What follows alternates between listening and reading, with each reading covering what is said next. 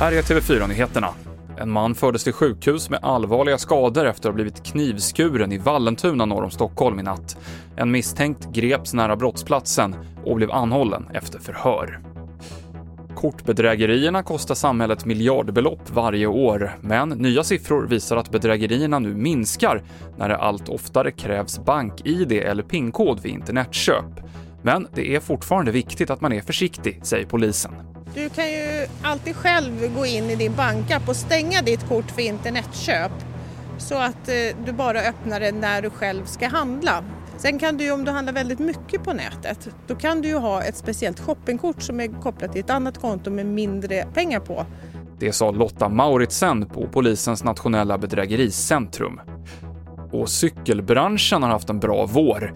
Kanske beror det på rädsla för trängsel på bussar och tåg, men flera återförsäljare säger till SVT att försäljningen har skjutit i höjden under coronapandemin.